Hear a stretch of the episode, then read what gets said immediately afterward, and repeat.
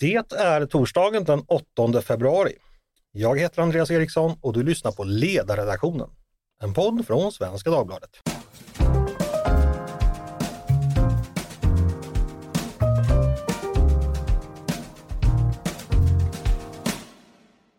Varmt välkomna till oss igen. Det är kris i sjukvården igen och regionerna behöver mer pengar. I höstas räknade SKR ut att landets 21 regioner kommer att gå med 24 miljarder i underskott i år. På många håll genomförs nu åtgärder för att spara pengar och det hörs rop efter hjälp från staten. Det vill säga att regeringen ska besluta om mer pengar till regionerna i form av statsbidrag. Det här har ni säkert hört talas om och funderat på vad man ska tycka och tänka om. I alla fall gör jag det. Varför är det så att regionerna behöver så mycket pengar? Vad är det som gör att sjukvården ständigt verkar behöva mer sådana? Och vad är det som gör att kostnaderna drar iväg inom sjukvården generellt? Det ska vi fördjupa oss i idag och för att göra det har jag med mig två gäster. Annika Wallenskog, chefsekonom på SKR, Sveriges kommuner och regioner. Varmt välkommen hit! Tack så mycket! Och så Ida Ingerö, näringspolitisk chef på Vårdföretagarna. Varmt välkommen du också Ida! Tack så jättemycket! Eh, jag tänkte vi går direkt på, på det aktuella läget. Annika, nu nämnde jag er prognos från i höstas. Är det den som fortfarande gäller eller vet vi mer om vad underskottet landar på i år nu i regionerna?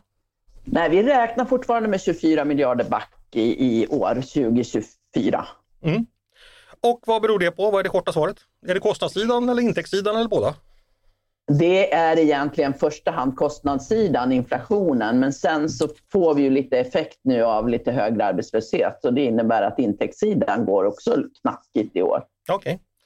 Eftersom vi pratar regioner, eh, ja, nu tog jag lite för givet att det var sjukvården det handlar om. Hur mycket är, är lokal kollektivtrafik inblandad i de här ekonomiska svårigheterna? Man kan säga att hälso och sjukvården står för mellan 80 och 90 procent av verksamheterna. Sen är det kollektivtrafik och sen är det lite, lite kultur också. Okej. Okay.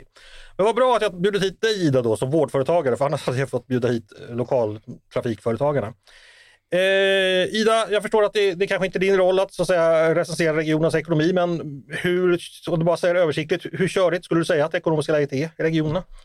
Jo, men jag skulle ju säga våra medlemsföretag som jobbar på uppdrag av regionerna märker ju nu på många håll i landet att eh, regionerna slutar remittera patienter till privata vårdgivare. Och det är ju då vård som, som patienterna har bedömts behöva, så det är ju väldigt olyckligt. Det handlar i många fall om kostnadseffektiva privata vårdgivare som man då på grund av underskotten i regionerna nu klipper, klipper banden med eller slu, slutar slussa patienter till. Och det innebär ju då också att patienter köställs och behöver vänta längre på vård och där tror vi att det är väldigt viktigt att vi, vi privata vårdgivare tillsammans med Sveriges kommuner och regioner, tillsammans med landets sjukvårdsregioner verkligen krokar arm och ser vad kan vi göra bäst för att få ut så mycket vård som möjligt för skattebetalarnas pengar. Mm. Vi ska återkomma till det här med driftsformer och sånt. Du kommer få mycket tillfälle för att prata om det. Eh, bara kolla med dig först, Annika. Eh, du sa att det var inflationens fel det här. Kan du vara lite mer detaljerad? Vad, vad, vad är det för kostnader exakt som drar iväg på grund av inflationen? Ja, men det som eh, drar iväg allra mest det är pensionerna, för de värdesäkras med inflationen och de bygger på inflationen som man har då i juni och det ligger till grund för prisbasbeloppet nästkommande år. Och det innebär att vi hade liksom en ökning av både pensionskostnaderna och pensionsskulden eh, både 2023 och 2024 med sammanlagt ungefär 30 miljarder högre kostnader än 2022. Okej, så pensionsskulden växer alltså för den uppdateras alltså automatiskt med enligt KPI då? Ja, precis kan man säga. Okej, eh, det var inte så länge sedan vi hörde om rekordöverskott i kommuner och regioner. 2020 och 2021 gick regionerna plus 20 miljarder, 2022 gick man plus 10 miljarder. Annika, vad tog de pengarna vägen? Kan inte de användas för att täcka underskott nu? Ja, delvis kan man ju säga att de gör det. Eh, det vad man kan göra, det är ju liksom inga pengar som ligger där och flyter omkring så att säga, utan dels så har ju många pengar använts för att investera i, man bygger ju väldigt mycket sjukhus, eh, man köper ny vårdutrustning och så vidare. Så det är ju inte så att det finns liksom likviditet liggande, men det finns ju en del regioner som har pengar placerade på börsen eller på andra olika sätt för att få en bra avkastning. Eh, Medan andra har stora eh, lån istället. Så att, eh, vad man kan göra det är att hänvisa till att ja, men vi hade så stora överskott de här åren, alltså kan vi gå med underskott. Det är ungefär så det funkar. Eh, men det är inte egentligen kopplat till likviditeten, för den eh, används till investeringar. Okej, det här tror jag eh, inte alla riktigt förstår. Det är alltså inte så att det svämmar över med likvida medel hos Man har ingen stor kassakista någonstans där man har samlat på sig i mm. ladorna helt enkelt. Ska jag förstå, förstå det rätt? Ja, vissa, har ju en, vissa har en kassakista, man har pengar placerade, men de pengarna de är ju till för när utbetalningarna av pensionerna ska ske, så att de matchar pensionsskulden kan man säga. Så det är det man har de här pengarna till. För att när det är dags att betala ut pensionerna, då ska man kunna plocka av de här pengarna. Okej, eh, då förstår jag lite mer. Jag såg att Svenskt Näringsliv hade skrivit en artikel där man sa att det fanns reserver, att det fanns, jag tror det var 37 miljarder. Eh, är det så? Ja, alltså det är ju så här att en hel del av regionerna har ju då det som kallas för resultatutjämningsreserver. Det är alltså inga pengar, utan egentligen kan man säga att de öronmärker delar av de tidigare överskotten. Och så säger man att nu kan vi gå med underskott, för vi hade överskott då tidigare. Eh, så att det, är liksom, det kallas resultatutjämningsreserver, men det är egentligen inga reserver, utan det är bara en hänvisning till de gamla överskotten. Mm, okay. För det här är ju en del av det regelverk som styr den offentliga verksamheten, att eh, då man har möjlighet ändå att eh, över ett, vad är det, tre år, eller vad är det för regelverk som gäller där exakt? Ja, egentligen är det så här, går man med underskott, om vi säger att jag har en region som går med en miljard i underskott ett år, då ska de gå sammantaget med en miljard i överskott de närmaste tre åren, om de inte kan hänvisa till tidigare års överskott, det vill säga resultatutjämningsreserver. Har de sån resultatutjämningsreserv eller tidigare överskott, då behöver de inte återställa det här underskottet. Och det är ju det man vill slippa, för man vill inte hamna i en situation där man liksom ska gå en miljard plus. För nu har vi ju tre år som vi räknar med att vi har underskott. Så det blir ju väldigt svårt att återställa de här underskotten. Just det. Eh, och det här är ju en del av det finanspolitiska ramverk som vi pratade om i podden förra veckan. This year, build your credit history with the Chime Secured Credit Builder Visa Credit Card. No credit checks to apply. Get started at Chime.com slash build. The Chime Credit Builder Visa Credit Card is issued by the Bancorp Bank N.A. or Stride Bank N.A. members FDIC. Chime checking account and a 200 qualifying direct deposit required to apply. Då har vi lite koll på regionernas eh, ekonomi. Vi ska prata sjukvård generellt. Eh, jag tänkte börja med dig då Ida. Eh, de senaste 20 åren har vårdkostnaderna som en andel av BNP dragit iväg ganska mycket. De kostade, det var förut under 8% av BNP, nu är det drygt 11% av BNP. Det är alltså en eh, växt, tillväxt av andelen med faktiskt 40 procent. Eh, vet vi varför det är så? Eller har vårdföretagen funderat över det? Men om man ska göra någon form av liksom sätta in det i ett historiskt sammanhang så skulle man ju kunna säga att, så att säga, i, i början av 1900-talet så, så hade vi en sjukvård som var billig, ineffektiv och ganska farlig brukar jag säga. Uh, idag har vi ja, men, dels en väldigt säker sjukvård, vi har också en väldigt effektiv sjukvård, men naturligtvis har den också blivit väldigt mycket dyrare. Vi har ju haft en fantastisk innovation inom sjukvården i, ja, i hela världen som har gjort att vi kan, vi kan bota och hantera sjukdomar idag som vi bara kunde drömma om för 100-120 år sedan. Så det är ju en anledning naturligtvis. Innovation är inte gratis. Nej, och nu, nu jämför jag då med år 2000, men även då i ett 24-årigt perspektiv så har det hänt väldigt mycket sedan millennieskiftet. Ja men så är det ju verkligen och jag menar det är ju också så att vi har haft en förskjutning under väldigt lång tid från så att säga från att akuta sjukdomar kostar en väldigt stor andel till att det är en ganska liten andel idag medan kroniska sjukdomar är en ökad andel. Sen är det också så att jag menar i hela västvärlden så kommer vi att behöva lägga mycket pengar de kommande decennierna på hälso och sjukvård av den enkla anledningen att vi har en åldrande befolkning. Mm. Så de här dryga 11 procenten jag pratar om, det kan bli mer? Det beror ju naturligtvis på hur vi använder resurserna och hur politiken väljer att prioritera. Mm. Eh, den billigaste patienten tänker jag, det är väl ändå den som dör, för då behöver man inte lägga mer pengar på den. Eh, Annika, vad säger du om sjukvårdens kostnadsutveckling? Det, det är en naturlig följd av att vi helt enkelt är så mycket bättre på att bota, säger Ida. Eh, håller du med? Ja, dels är det det, men jag skulle också vilja korrigera det där med ökningen. För det var så att man har förändrat sättet att mäta hälso och sjukvård. Man har lagt in äldreomsorg och funktionshinderomsorg i den där siffran också successivt. Så det är därför vi får ett väldigt stort hopp där 2009. med 1,6 procentenheter eller någonting sånt där. Så det, det, är ett skäl också, att det, man har breddat begreppet. Ja, det var slarvigt av mig, men jag, får, jag får försvara mig med att SCB e hade en väldigt liten stjärna där. Så att den, den... Ja, men i alla fall, det, den hade ändå, det är ändå ja. lite tillväxt. Vi pratar ju ändå om ja, en större precis. andel helt enkelt. Ja, och då kan jag ju kommentera, det finns ju ett jättestarkt samband mellan BNP i ett land och andelen pengar som man lägger på hälso och sjukvård. Ju rikare land, desto högre förväntningar har invånarna på hälso och sjukvården. Det finns ett land som sticker ut som har 18-19 procent som andel av BNP som är hälso och sjukvård och det är USA. Eh, som, som, har ett särskilt system också? Särskilt system, ja, som mm. gör att eh, man kanske efterfrågar mer sjukvård inom vissa grupper. Mm. Eh, jag, jag, men jag tänkte, tänkte, Sverige ligger ju ändå ganska högt i, i förhållande till, till EU. Jag tycker vi ligger en, uh, ungefär en procent över EU-snittet och, och, bland de högre. Jag såg någon siffra från, det var visserligen från 2016, då var vi näst högst i EU. Jag vet inte om det är det så fortfarande. Ida, vad beror det på? Jag, jag, skulle väl först vilja, precis som Annika gjorde innan, säga det att det är lite svårt att jämföra siffror rakt av för att vi, vi räknar på lite olika sätt i olika europeiska länder. Vi har in lite olika grejer i sjukvården. Men jo, Sverige ligger rätt högt. Vi är inte på pallplats och vi ligger betydligt lägre än USA, men vi, vi ligger relativt högt. Men jag menar, om man jämför med om man jämför med länder som Tyskland, Nederländerna, Danmark, Norge ja, vi lägger en hel del pengar, men den väsentliga frågan är ju vad får vi ut från pengarna? Det tycker jag är en viktig fråga. Och eh, vad är ditt svar på den frågan då? Men mitt svar där är att om man jämför med till exempel Tyskland och Nederländerna så har de i princip inga vårdköer. Om man jämför med Danmark och Norge så har de betydligt kortare vårdköer än vad vi har. Danmark har en vårdgaranti på 30 dagar, vi har en på 90. Så att vi behöver ju diskutera vad får vi för pengarna, vad får patienter och skattebetalare för det de betalar in. Annika, Ida kritiserar dina regioner för långa vårdköer. Eh, håller du med?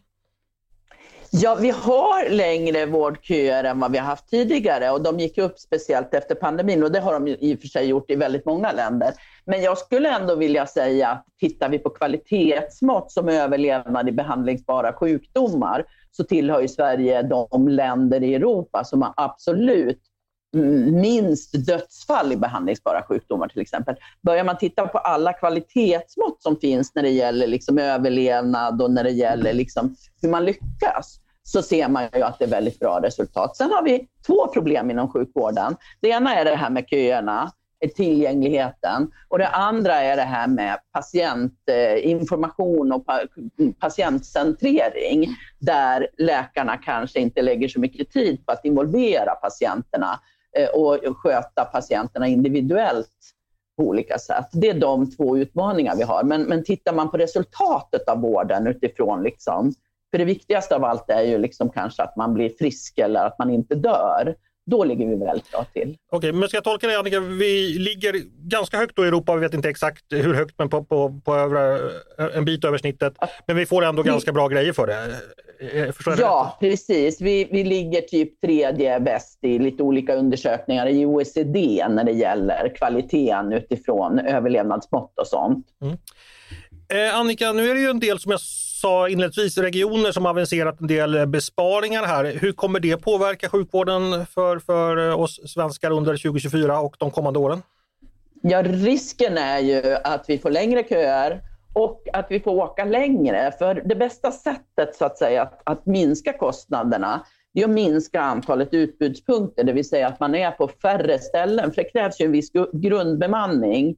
Eh, och det innebär ju att man kanske bestämmer sig för att ja, men den här typen av operationer gör vi bara på något ställe, till exempel i något län. Eller vi kanske inte kan ha akutmottagningar på lika många ställen. Eller vi kanske, kanske måste minska antalet vårdcentraler. Och det innebär ju att folk kan få längre att åka till sjukvården. Och sen risken att man får vänta längre. Men det sker ju alltid en prioritering i vården. Det görs ju även när vi har liksom gott om resurser. Men det innebär ju liksom att patienter som sitter på akuten kanske måste vänta längre om de inte är svårt sjuka till exempel. Mm. Eh, jag ska återkoppla till det du sa om de två stora problemen som du tyckte finns i vården, det vill säga eh, köerna och eh, patientkontakt, läkarnas kontakt med patienter. Eh, Ida, delar du den synen? Är det de största problemen i vården skulle du säga? Jag skulle, jag skulle absolut säga att tillgängligheten är ett av de största problemen vi har. Mm. Absolut, mm. så är det. Och i tillgänglighet, vad, vad lägger du där? Ja, men det handlar ju naturligtvis dels om att vi måste bygga ut primärvården Eh, så, så att vi möter patienter på, på rätt plats. Eh, det handlar om att avlasta akutsjukhusen naturligtvis, se, till, se till att vi har en, en god nära vård. Men det handlar ju också om att i den specialiserade vården att vi kortar köerna när du väl har fått ett beslut om att du behöver en höftledsoperation eller du behöver en kataraktoperation, då behöver vi en betydligt högre tillgänglighet än vi har idag. Mm. Eh, tillbaka till pengarna. Jag ska säga att skatteuttaget i regionerna har då förstås ökat eftersom sjukvården har blivit dyrare. Eh, år 2000 så betalade vi 9,9 kronor och 82 öre per hundralapp i regionalskatt. Och det är 11,67 nu och det är en ökning med 20 procent. Eh, kan vi räkna med att det här eh, kommer fortsätta öka skatterna som regionerna behöver få in? Vad säger du Annika? Ja, det är klart att den risken finns ju. Ehm, men vi kan ju se, nu är det ju tre år i rad så var det ingen som höjde skatten. Annars är det ju någonting som man har gjort. Nu var det ju två regioner som höjde, Örebro och Stockholm, som höjde skatten nu mellan 2023 och 2024. Men eh, det är ju också ett bevis på att man har haft ganska stark ekonomi under några år. Men, men det, är, det är tyvärr så att en del regioner ser det som, och det är ju en sista utväg man tar till om man inte får ihop det på något annat sätt. Ida, vad spår du i den här frågan? Kommer vi behöva ett ökat skatteintag för att finansiera sjukvården i framtiden? Nej, men jag skulle ändå vilja vara optimist här och säga, ja, men visst det är så att innovation kostar, det är så att en, en åldrande befolkning kommer att kosta, men vi kan också göra saker billigare, mer effektivt, behålla den goda kvaliteten, men göra saker annorlunda. Mm. Eh, Annika, tycker du eh, regionerna ska få mer statsbidrag än vad, vad som är bestämt nu? Ja, men det finns ju många som har tittat på det. Lars Calmfors är ju en klok människa som mm. har tittat på hur förra veckan, ser det ut egentligen. hur ser det ut egentligen? Mm. Och då kan man ju, det är ju liksom lite brist på transparens också. Man uppfattar det ju som att staten bara skjuter till jättemycket pengar och regionerna bara sitter och klagar. Och vi har ju länge försökt att säga att det borde ju kunna vara så att statsbidragen så att säga ökar i takt med inflationen. Idag är de ju nominellt sett oförändrade om man inte fattar några nya beslut. Och Det gör ju att varje gång man ger pengar till regionerna så låter det ju som att de får liksom mer pengar. Men det kan ju vara så att man får pengar men de motsvarar absolut inte inflationen eller demografin, alltså åldersförändringen och antalet eh, invånare som ökar. Och det är ju ett skäl till att regionerna tyvärr har behövt höja skatten. Mm. Så att om vi hade ett system som var eh, att pengarna värdesäkrades eller indexerades med hjälp av inflationen och man hade långsiktiga besked, då skulle det vara mycket enklare att bedriva sjukvården. För då skulle man ju veta hur det skulle se ut kommande år. Och då skulle vi inte ha drabbats av det här heller eftersom då skulle vi ha en indexering i statsbidragen som följde med inflationen. Okej, okay, så, det, så svaret är eh, ja, ja, det behövs mer statsbidrag? Ja, men det behövs, det behövs långsiktigare planeringsförutsättningar. Det här att kasta till pengar till regionerna liksom i sista sekunden på olika sätt, det går ju inte att använda de pengarna och man får dem ett år och sen tar de slut. Så mm. Det är ju också en effekt att det kan bli överskott trots att man liksom håller på att spara hela året för att man får pengar någon gång i oktober eller i i, mitt i sommaren så man inte hinner göra något för Det är ganska långa planeringshorisonter att driva sjukvård. Ja, det, kan, det förstår jag verkligen.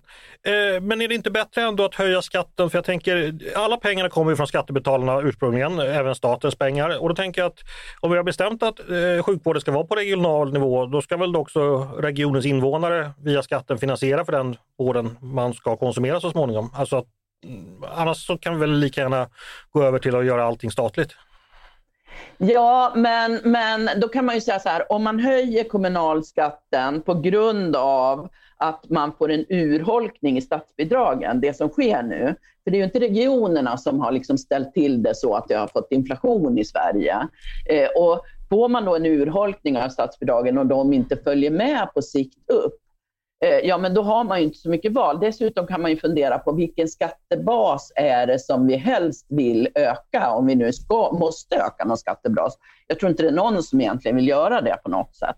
Men det kanske inte är den skattebas som påverkar inkomstskatten liksom hela vägen ner. Det kanske finns andra skattebaser som hade varit bättre att höja. Staten har många källor att förse sig ur. Eh, Ida, ni på Vårdföretagarna, vad, vad, du har varit inne på lite tidigare, men vad tänk, vad vill ni göra för att göra vården effektivare och därmed eh, ja, mer kostnadseffektiv och därmed billigare? Nej, men jag, vill, jag skulle först bara vilja haka på det Annika säger om kortsiktigheten i statsbidragen, för det där är ju någonting som vi också ser hos våra medlemsföretag. För det är ju så när det kommer, när det kommer till exempel när det kommer riktade statsbidrag ut till kommuner och regioner, då ska ju de också komma privata vård och omsorgsföretag till del, vilket ju funkar bra på vissa håll, lite sämre på andra håll. Men poängen är ju just där, precis som Annika beskriver, att har du, har du en en vårdgivare eller ett omsorg, en omsorgsför, aktör, kanske ett äldreboende, som får pengar ett år för en tillfällig satsning, ja då är det då du måste göra av med de pengarna. Det finns ju en brist på långsiktighet där som jag tycker är väldigt olycklig. Okej, okay, då är ni överens om det. Yes. Eh, ja, hur vill du göra det effektivt, kostnadseffektivare? Nej, men jag, jag tror ju, nu har vi haft i, i drygt tio års tid så har vi legat ganska konstant så att ungefär 87 procent av, av man säger, den totala kostnaden för regionernas sjukvård är regionernas egen regi, ungefär 13 procent är privata vårdgivare. Vi ser ju att mina medlemsföretag kan och vill göra mer och vi vet ju också att det finns en lång rad insatser i vården som vi gör betydligt mer kostnadseffektivt. Om man tar till exempel höftprotesoperationer så kan vi göra dem för ungefär halva priset och det beror ju inte på, det beror ju inte på någonting magiskt så att säga utan det beror bland annat på att när du flyttar ut vård från de stora akutsjukhusen med hela den apparaten du har där och flyttar ut den till mindre specialiserade enheter så går det att göra det väldigt mycket mer kostnadseffektivt. Så att jag tror ju på ett ökat samarbete mellan privata vårdgivare och regionerna för att vi ska hitta den optimala balansen där vi får maximal valuta för skattepengarna. Mm. Eh, Annika, vårdföretagarna och Ida, föga förvånande kanske tycker att mer, mer, mer privat vård, eh, ser du också att det är en väg framåt? Ja men det kan det vara. Vi kan ju också se det här som jag nämnde, det här att man kanske på ett visst sjukhus, det kan vara privat eller det kan vara offentligt, specialiserar sig på en viss typ av operationer till exempel. Det brukar bli ganska effektivt när man gör det, för man har inte en massa andra saker som man måste pyssla med hela tiden. Men jag ser ju också till exempel en ökad digitalisering i vården som ett sätt att, att effektivisera.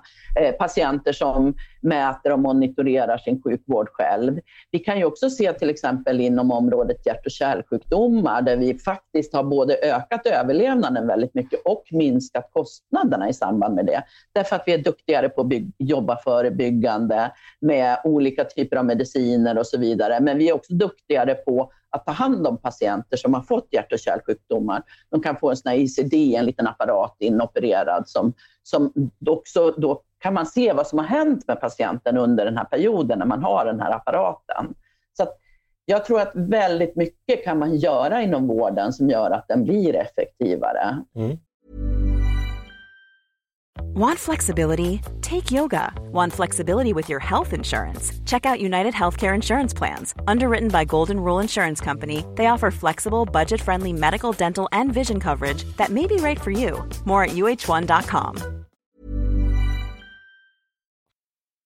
En fråga till dig Annika. Kan privata eh, privatiseringar någonsin också verka kostnadsdrivande tror du? Ja, det är klart, det beror ju på liksom hur, hur, vilken ordning och reda man har så att säga på sin ekonomi. Har man väldigt många utförare och sen ska man kommunicera med, mellan regionen och utförarna och kommunen så kan det ju bli ganska många eh, nivåer som man måste ha koll på. Så jag tror att det, det handlar nog om hur utnyttjar man privata vårdgivare. Mm. Samma fråga till dig, jag misstänker att svaret blir nej där. Nej men, nej men Annika har ju helt rätt i att man måste göra saker på ett smart sätt för att få bra resultat. Så är det ju. Och, där är ju en sån sak, han, handlar ju om liksom hur man kravställer i upphandlingar. Eh, där kan, kan ju mina medlemsföretag se ett problem att regioner idag kravställer väldigt olika, har många olika krav, vil, vilket ju ja, skapar merkostnader så att säga. Så att, där tror jag också att ju mer vi kan prata med varandra, men jag tror också precis som Annika, så mycket av det arbete som nu sker kring digitaliseringen av vården, där händer ju väldigt mycket i dialogen mellan offentligt och privat, där vi tar så att säga steg i rätt riktning. Mm. Det här är ju en intressant punkt som Ida tar upp. Eh, Annika, hur, hur, är det, finns det fortfarande samordningsvinster att göra mellan regionerna? För förr hörde man ju alltid att, att det är 21 egna universa där man dubbelarbetar väldigt mycket. Ha, har man löst det idag så att man, man gör det man kan tillsammans eller finns det fortfarande saker att hämta där? Vi har ju sex sjukvårdsregioner i Sverige så att säga, där regionerna jobbar ihop och där man har regionsjukhus som opererar vissa typer av operationer som man inte gör i alla län. Så det fungerar med, och då har de egna liksom, prislistor och så vidare. Vad, vad tar de betalt för att göra olika saker? Så det fungerar ganska så bra liksom, med att man, man har vissa specialiteter finns inte i de små länen till exempel, eller små regionerna. Mm. Men, det, jag tänker på exempelvis att har, man all, har alla regioner samma lönesystem eller är det så att man liksom uppfinner hjulet för flera gånger? Jag minns att när jag höll på med den här frågan för säkert 10-15 år sedan, då pratade mm. man mycket om det, men man kanske har löst ut det bättre idag då? Nej, alla har ju inte samma lönesystem och där har vi ju en marknad också. Då kan man ju diskutera, ska alla ha samma lönesystem? Eller har vi... Nu finns det ju inte så himla många olika lönesystem på marknaden, men det finns ju en marknad där man köper ekonomisystem eller lönesystem eller vad det nu är. Så att, och det finns inte så väldigt många olika. Det finns kanske tre stycken att, att välja på på marknaden. Mm. Eh, men det, så har man ju Danmark. Där, är det liksom, där har, har man stora statliga system, typ ungefär. Så att det är frågan om, eh, är det rätt sätt att göra? Det som är viktigast tror jag när det gäller det här med IT-system och, och så vidare, det är ju att man har Eh, att de kan prata med varandra, att man kan dela journalsystem, att man till exempel inom äldreomsorgen och hälso och sjukvården kan, kan jobba i samma system och att systemen kan, man kan föra över säker digital kommunikation mellan systemen. Mm. Ja men exakt så är det ju. Min, eh, min kollega Daniel Forslund som jobbar med just digitaliseringen av vården, han brukar jämföra med mobiltelefoner att det är helt självklart att om du har en, en Samsung och jag har en iPhone så kan vi ringa till varandra. Och på samma sätt borde det funka i hälso och sjukvården att systemen måste prata med varandra. Mm. Hörrni, om vi tittar lite in i, in i framtiden. Eh, kommer det bli så att vi vårdkonsumenter i framtiden kommer bli tvungna att betala mer när vi går till doktorn, så att vi får stå för egna vårdkostnader? Det är förstås en politisk fråga, men vad, vad, vad tror ni det utvecklats åt för håll? Vad säger du Ida? Jag, jag skulle väl säga så att vi har, ju, vi har ju redan en sån utveckling idag där drygt 800 000 svenskar har valt att teckna en privat sjukvårdsförsäkring. Eh, det är ju naturligtvis en utveckling som påverkas av hur stor tillgänglighet vi har till sjukvården. Har vi långa vårdköer i regionerna i den gemensamt finansierade vården, då kommer det naturligtvis driva på människors intresse för att teckna en privat försäkring och därmed så att säga betala, betala två gånger för sjukvården. Mm. Eh, Annika, samma fråga till dig. Nej, men jag tror ju att inte folk kommer att acceptera att inte man ska kunna bota och behandla alla sjukdomar inom vården. Men däremot tror jag att man måste föra en diskussion. Eh, vilken typ av, av... Ska man ge liksom all, hjälpa alla med allting till exempel? Eh, det kan man ju fundera på. Kan man ha en högre taxa till exempel? Ska allt vara, det är ju i stort sett gratis, ska allt vara gratis inom vården? Eller ska vi ha någon sorts prioritering där vissa saker gör vi inte inom vården? Mm. Eh, en fråga jag skulle ställt tidigare till dig Annika, jag glömde bort det. Eh, är det risk att massa vårdpersonal kommer försvinna, behöva försvinna nu för att man drar ner kostnaderna, att helt enkelt folk eh, får sparken? Vet, vet vi någonting om det? Ja, men vad, vad, man diskuterar nu, det är ju dels alla regioner har ju bestämt sig för att man ska minska andelen inhyrda personal. Man, därför att man ser liksom att man behöver ha en större kontinuitet i vården. Och det får man inte med stor andel inhyrd personal. Men, men det vi ser också, det är ju att man försöker naturligtvis bevara vårdpersonalen på ett eller annat sätt. Men, men man klarar inte riktigt av det rent ekonomiskt på några ställen. På några ställen går man då ut och varslar till exempel och säger att vi kanske måste behöva säga upp. Men det mesta löser man ju genom naturlig avgång, det vill säga när folk går i pension eller slutar av andra anle an olika anledningar så återbesätter man inte tjänsterna och det går ganska snabbt att minska antalet anställda på det sättet. Mm. Eh, förr eller senare kommer vi väl alla eh, behöva vård. Hur, hur orolig ska man vara över de här, eh, den här dåliga ekonomin, skulle säga Annika, för, för, för ens egen del? Alltså hur, hur, hur, hur illa kan det bli? Nej, men jag tror, har vi en allvarlig sjukdom så är det klart att vi kommer att få stöd och hjälp av vården. Men däremot kan det bli så om man kommer till akutmottagningen till exempel och har en sjukdom som, som kan läka av sig själv, att då blir man nerprioriterad. Och det är ju samma med de här operationsköerna. Det finns ju en prioritering i de här operationsköerna också, där det är vård som kan anstå eller vård som kanske inte kan anstå. Mm. Ida, hur, kände du, hur trygg kände du dig med, med vården för egen del och för närståendes del? Nej, men jag kan väl säga så att vi, vi gör ju, vi gör ju sådana mätningar regelbundet och två av tre svenskar är ju oroliga för att de själva eller deras anhöriga inte ska få hjälp av vården den dag de behöver det. Så att det finns ju en stor oro och den tror jag att vi ska ta på allvar. Jag tror också att vi ska ta på allvar detta att det är ju väldigt olika beroende på var man bor i landet. Bor man i Halland så har man överlag på de flesta på de flesta ingrepp ganska korta vårdköer. Flyttar du norrut till Västra Götaland eller söderut till Skåne så blir köerna omedelbart längre. Så vi har ju lite av ett postkodlotteri i vården. Mm. Och eh, hur gör vi för att avhjälpa det? Nej, men det, där, där handlar det ju om att alla måste ta ett gemensamt ansvar. Nu är ju, nu är ju regionerna är huvudmän för sjukvården idag så att det, det, är ju ett regionalt ansvar men vi är ju väldigt gärna med från de privata vårdgivarna och hjälper till. Sen skulle jag ju också vilja se en nationell satsning för att korta vårdköer under den här mandatperioden. Det finns partier i regeringen som gick till val på att korta vårdköerna. Vi vet att Reinfeldt, regeringens kömiljard var bland det mest effektiva man har gjort för att korta köerna. Just det kanske vi inte ska göra igen, men jag tycker att det behövs ett nationellt initiativ för att återupprätta tilliten till vården. Tycker du också det Annika? Är det en bra idé? Generellt sett kan jag säga att vi har en ganska god tillit till vården, men risken om vi får längre vårdköer, det är ju naturligtvis att vi får brister. Men det är klart att vi måste ju naturligtvis jobba med att få till det. Men, men vården kommer ju alltid handla om prioriteringar. Eh, och det är klart att, att eh, de som är sjukast får, kommer fortsättningsvis även att få stöd och hjälp. Så det, det är liksom ingen, ingen frågan om att, att folk inte kommer att få den stöd och hjälpen de behöver. Sen kan det ta längre tid eller man måste åka längre. Mm, just det. Hörrni, vi ska snart sy ihop det här. Eh, jag tänkte bara fråga er, jag eh, ska göra lite internationell utblick. Eh, finns det några andra länder ni tycker eh, vi har någonting att lära, sig av, lära oss när det gäller vården och hur de organiserar sig och i så fall vad som ni tror skulle ja, vara ganska lätt och bra att importera till, till, till Sverige? Vad säger du Ida? Jag skulle vilja importera den danska vårdgarantin som ger 30 dagar istället för 90. Mm, Okej, okay. kort och snabbt. Annika, vill du importera någonting utifrån? Ja, men jag tror ju liksom att, att man till exempel i Danmark har en ganska bra vård. Det kan, ju, kan ju jag se också. Där man, och sen tror jag liksom vad vi behöver göra mycket mer, det är ju att samverkan mellan kommunerna och regionerna behöver bli bättre. Vi ser ju att en väldigt stor andel av de som kommer till akutmottagningarna, det är äldre personer som kanske egentligen inte blir hjälpta av liksom att komma till akuten, utan borde kunna få hjälp på andra sätt. Så att får vi en bättre samverkan mellan kommunerna och regionen vad gäller de mest sjuka äldre så tror jag också att vi kan eh, få liksom en mycket bättre vård totalt sett. Mm. Vad bra! Eh, stort tack för att ni hjälpt mig att börja grotta lite det här med sjukvården och dess problem och kostnader. Eh, stort tack Ida Ingrö från Vårdföretagarna. Tack så jättemycket. Och tack Annika Wallenskog från SKR. Tack så mycket. För att ni båda kom hit idag. Och tack också till er som har lyssnat på dagens avsnitt av Ledarredaktionen. En podd från Svenska Dagbladet.